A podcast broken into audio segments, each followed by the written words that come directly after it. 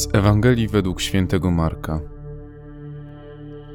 Jeden z uczonych w piśmie podszedł do Jezusa i zapytał go: Które jest pierwsze ze wszystkich przykazań? Jezus odpowiedział: Pierwsze jest: Słuchaj Izraelu. Pan Bóg nasz jest jedynym Panem. Będziesz miłował Pana Boga swego całym swoim sercem, całą swoją duszą, całym swoim umysłem i całą swoją mocą Drugie jest to: będziesz miłował swego bliźniego jak siebie samego. Nie ma innego przykazania większego od tych. Rzekł mu uczony w piśmie: Bardzo dobrze, nauczycielu, słusznie powiedziałeś, bo jeden jest i nie ma innego prócz niego.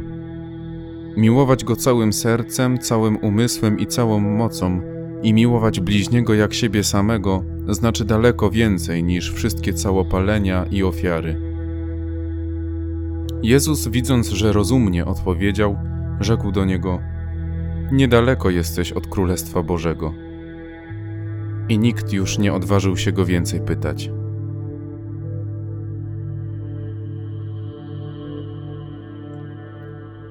Jeden jest i nie ma innego oprócz niego. Nikt tak bardzo jak Pan Bóg nie zasługuje na naszą miłość. Nikt tak jak On nas nie kocha.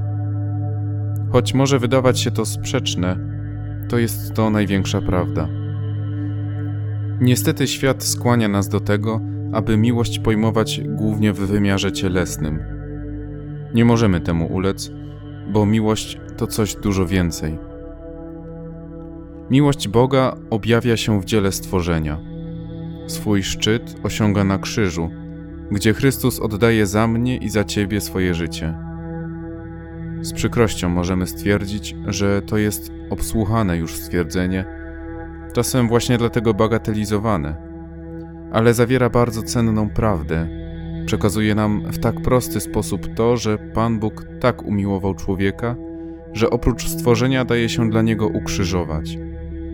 Robi to dla nas z tej prawdy wynika nasza chęć miłowania Boga.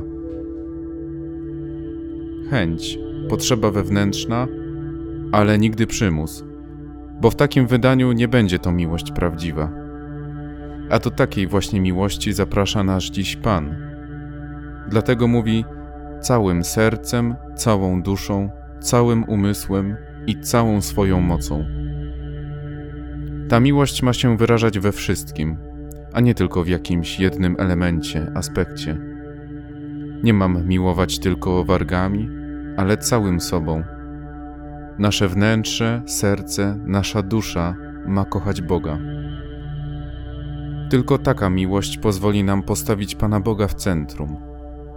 To nie wykluczy żadnej naszej pracy czy obowiązków, nie zabierze nam miłości do innych ludzi, ale pomoże nam jeszcze lepiej miłować bliźnich można spotkać się ze stwierdzeniem, że prawdziwa miłość to tylko taka, gdy zawieramy w niej miłość do Boga, do siebie i bliźnich. Może tak niewiele, ale jednak czasem tak trudne to do zrealizowania. Prawdziwa miłość to wyzwanie, które stawia nam przed oczami Pan. Prawdziwa, a nie połowiczna, nieudawana. Zatem miłujmy Boga, bliźnich i siebie tak naprawdę.